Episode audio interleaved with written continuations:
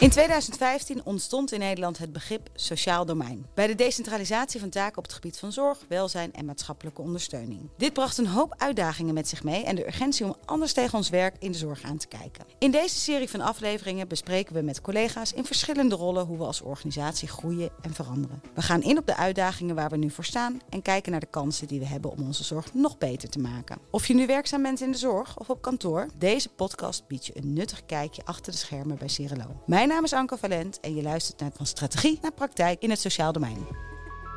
We horen dagelijks in het nieuws dat het niet goed gaat met de jeugdhulp in Nederland.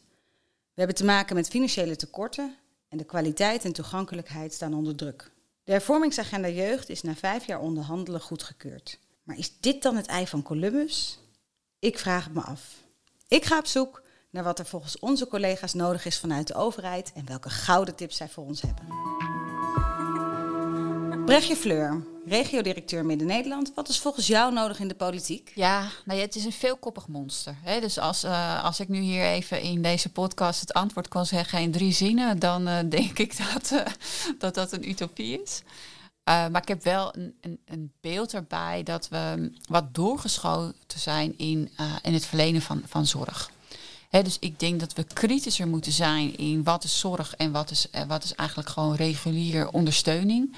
Wat eigenlijk vroeger, om het maar zo te noemen, ook als gewoon werd beschouwd, dat dat ook gewoon geleverd werd vanuit goed burgerschap voor elkaar er zijn. Uh, dus wij hebben een heleboel dingen hebben wij wel nu de titel specifiek behandeling, begeleiding genoemd, wat ook gewoon eigenlijk reguliere zorg is.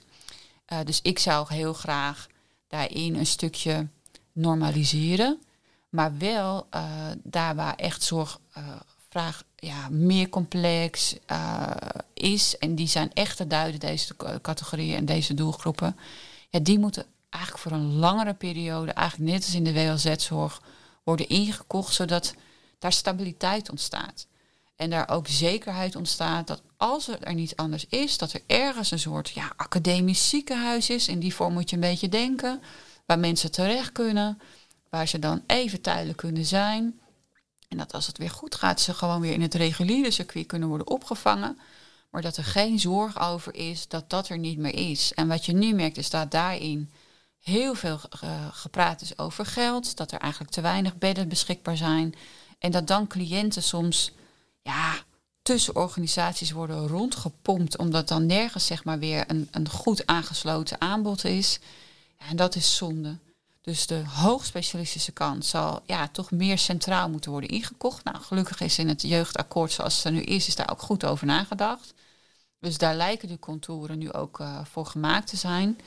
Ik denk alleen dat in, ja, met name in wat regulier, lokaal en regionaal geboden kan worden, ook daarin zullen we een normaliseringsslag met elkaar moeten maken. Wat is wat in gewoon onderwijs kan, en wat is dan nog de toegevoegde waarde van een bepaald specialisme? En het is een hele complexe puzzel. Ruud Groot, manager zorgverkoop. Wat denk jij dat er nodig is? Ik denk dat je beleidsmakers nodig hebt uh, en uh, stelselverantwoordelijken nodig hebt die, um, die niet alleen maar, zoals we nu zien, uh, de boel in beweging willen brengen, want dat is heel goed. neem nu onze huidige staatssecretaris, die wil af van, vanuit huisplaatsingen. En uh, er gaat een streep door de gesloten jeugdhulp. En dat zijn allemaal prima ambities. Maar je moet wel goed nadenken over de implicaties die daarachter wegkomen. Dus als jij zegt nul gesloten uit huisplaatsingen, uh, dan doet dat iets. Als je, als je daar stopt en je duwt die populatie naar voren, dan komt dat ergens op een andere plek in die keten. Uh, nou, en wie zit daar oververtegenwoordigd? Bijvoorbeeld, nou, dat zijn wij. Met als gevolg dat de druk op die deur uh, in zeg maar, de setting die daar misschien niet echt goed voor geschikt is, dat die druk toeneemt. Um, en in sommige regio's, uh, uh, in sommige jeugdzorgregio's moet ik erbij zeggen, zien we al dat opdrachtgevers dan zeggen: Oké, maar ik kan deze cliëntpopulatie, die door eigenlijk de staatssecretaris eruit is geëxternaliseerd, kan ik niet kwijt. Niemand staat op, nu ga ik aanwijzen. Jij krijgt er één, jij krijgt er één, jij krijgt er één. Nou, dat is niet een ontwikkeling die, die, je, die je moet willen omdat je dan namelijk in feite je gedwongen plaatsing gewoon verschuift. Je doet nog steeds hetzelfde, maar op een andere plek in de keten. En wat we nodig hebben in de politiek is twee dingen. A, dat um, nou, bewindvoerders goed nadenken over, oké, voordat ik die nou, voordat ik die intentie, die beleidsintentie, zeg maar, ga uitvoeren, wat zijn de consequenties daarvan? En, en, en hoe los ik dat op? En het tweede wat vanuit de politiek moet gebeuren is keuzes maken. Keuzes maken, keuzes maken, keuzes maken. Wat is wel jeugdzorg, wat is geen jeugdzorg? En uh, daar zijn we nog veel te. Ja, daar zijn we nog niet eens aan begonnen, is mijn idee. Want we hebben nog steeds veel te veel jeugdzorg. Wat eigenlijk geen jeugdzorg is. Neem als voorbeeld, uh, nou, het meest makkelijke voorbeeld is financiële zorgen in gezinnen als een gezinshoofd door gewoon stomme pech misschien zonder werk komt te zitten. Uh, of in het inkomen zeg maar, te ver achteruit gaat, ontstaat er financiële stress. Wetenschappelijk is aangetoond dat je onder wetenschappelijke druk 15 IQ-punten inlevert. Onder financiële druk. Ja, klopt. Onder financiële druk lever je 15 IQ-punten in. Nou, dat betekent dus dat iedereen met een gemiddeld IQ van 100 acteert op het niveau van een lichtverstandelijk beperkte als je onder financiële druk komt te staan. Uh, die spanning neemt maar toe. En op een gegeven moment, ja, als dat een jaar, twee jaar duurt, klapt zo'n kind, die klapt eruit. En uh, ja, er wordt op school wordt opgemerkt, wordt vechten. Ja, en, en, en voordat je het weet, uh, ja, gaat die het traject in van jeugdzorg. En komt bij ons in zorg en dan zeggen we dat is jeugdzorg. Nee, dat is geen jeugdzorg. Het is hele andere zorg. Alleen wij plakken nu het etiket erop jeugdzorg en we gaan die jeugdigen helpen. En we gaan niet kijken naar hoe kunnen we eigenlijk die financiële problemen van het gezin oplossen. Maar dat valt buiten de indicatie. Daarin heeft de politiek veel meer te doen.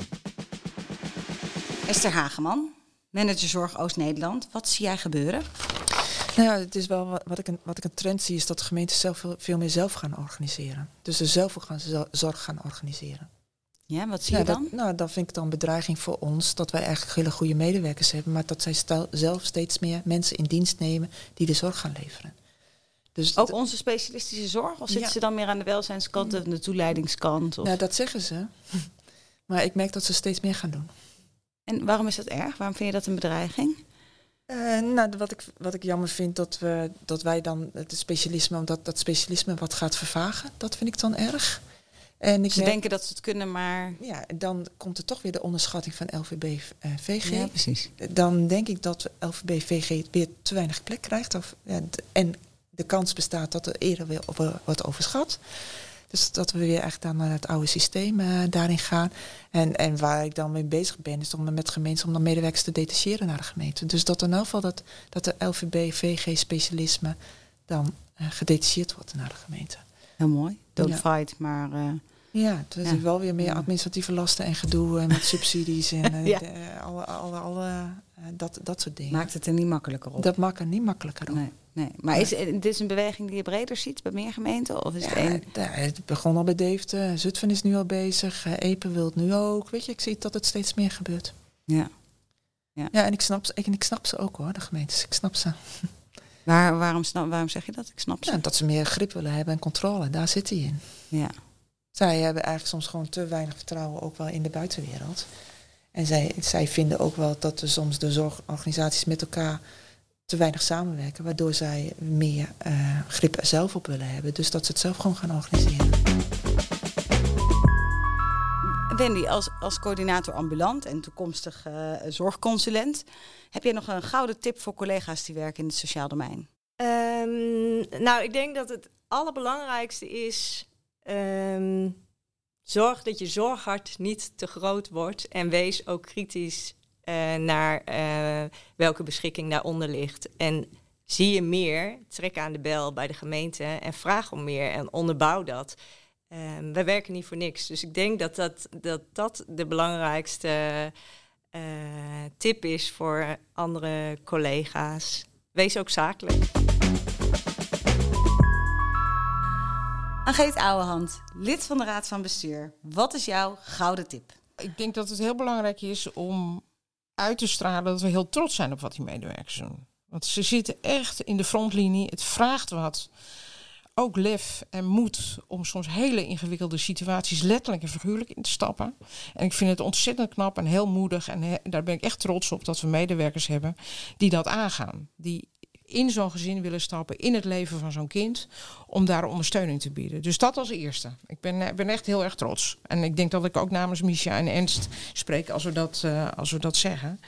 Want ja, hoe dichter bij de leefwereld van het kind we kunnen zijn, dat we een bijdrage mogen leveren, dat vraagt expertise, dat vraagt moed, dat vraagt lef. En dat vraagt ook interesse. We zien heel veel bevlogen medewerkers ook in het sociaal domein. En die zijn misschien wat minder zichtbaar dan al die medewerkers die dag, dagelijks naar een woonzorgpark gaan. Want, maar deze zijn er ook. Dus die zijn een belangrijk onderdeel van onze, van onze organisatie. De boodschap die ik met ze mee wil geven is vooral blijf doen wat je doet. Maar ga daar wel slim mee om met alle energie die je hebt. Waar ik nog benieuwd naar ben is als we dan die ontwikkeling van die ambulantisering en dat samenwerken met dat netwerk constateren dat we zeggen dat zouden we in de intramurale zorg van de WLZ eh, wel meer willen. Wat kan de ambulante medewerker uh, of de medewerker in het sociaal domein in het algemeen daar dan in betekenen? Nou, het zal heel mooi zijn als die medewerkers die zowel in de WLZ werkzaam zijn als in het sociaal domein elkaar ontmoeten. En dat we veel meer die ontmoeting gaan organiseren en uitwisselen van ervaringen en van vragen. En dat er een kruisbestuiving van expertise plaatsvindt. En dan niet alleen expertise, maar ook hoe doe je dat nou eigenlijk? Dus die ontmoeting zou ik wel heel mooi vinden als we daar meer energie in steken. En dat we ook erkennen dat de WLZ-zorg heel veel van het sociaal domein kan leren. Dus dat het geen gescheiden trajecten zijn. Ja, en daar heeft de WLZ, de medewerker in de WLZ-zorg dus een, een mindset in open te stellen. Ja. Maar daar heeft de medewerker in het sociaal domein ook een stap te zetten van hé, hey, mijn collega's op de woonzorgparken of in de woningen, de WLZ-woningen in de wijk, daar kan ik daar kan ik wel eens langs gaan om eens even een bakje te doen. En, ik, ik denk dat het, dat het ook al veel gebeurt. Hè. We hebben heel veel voorzieningen waar zowel cliënten zitten vanuit de WLZ en het sociaal domein, waar medewerkers vanuit het sociaal domein en de WLZ elkaar ontmoeten. Dus dat gebeurt al. Alleen vraag ik me af of we, of we voldoende de, de tijd nemen om uh, in die ontmoetingen ook bij elkaar uit te vragen: hoe doe je dat nou? En hoe zou het anders kunnen? En wat kunnen we van elkaar leren? Dus die ontmoeting is er en die mixvormen zijn er ook allemaal. Alleen een soort intervisieachtige constructie om die kruisbestuiving en elkaars werk daarin te onderzoeken. Van hoe doe jij dat nou? En kan ik daar wat van meenemen? Wat kan ik halen en wat kan ik brengen? Want ik denk dat het andersom ook zo is. Maar met name dat uh, thuiswerken, netwerk, uh, die andere mindset die mensen uit het sociaal domein hebben. Om dat toch een beetje ook in te pluggen bij mensen die, uh, die alleen maar in de WLZ werken. En dan vooral waar ze elkaar niet ontmoeten.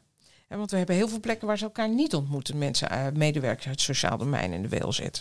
Dus daar waar het gebeurt, vooral voeden, tijd nemen voor de intervisie bij elkaar. Maar daar waar het niet gebeurt, sowieso die ontmoeting gaan organiseren. Zoals blijkt zien onze collega's dat er veranderingen nodig zijn vanuit de politiek om de jeugdzorg toekomstbestendig te maken. Tegelijkertijd zijn we hard bezig om binnen de gestelde kaders zo goed als mogelijk te doen wat nodig is voor een goed leven voor onze cliënten en hun netwerk. Voor mooi werk voor onze collega's op een duurzaam, gezonde manier. Ik dank jullie voor het luisteren naar deze podcastserie. We zijn samen gestart bij de visie en positionering in het sociaal domein en hebben gesproken over ambulantisering en ondernemerschap. Ik heb geleerd wat ons specialisme is en wat dit betekent voor hoe we samenwerken met ketenpartners en het netwerk. We hebben gesproken over de toekomst van de WLZ-zorg en de toekomst van de jeugdzorg. Ik ben benieuwd wat jij vond van deze serie en ik nodig alle Cirelo-collega's van harte uit om mee te praten op onze intranet-community van het sociaal domein. Mijn naam is Anke Valent. Hopelijk tot ziens.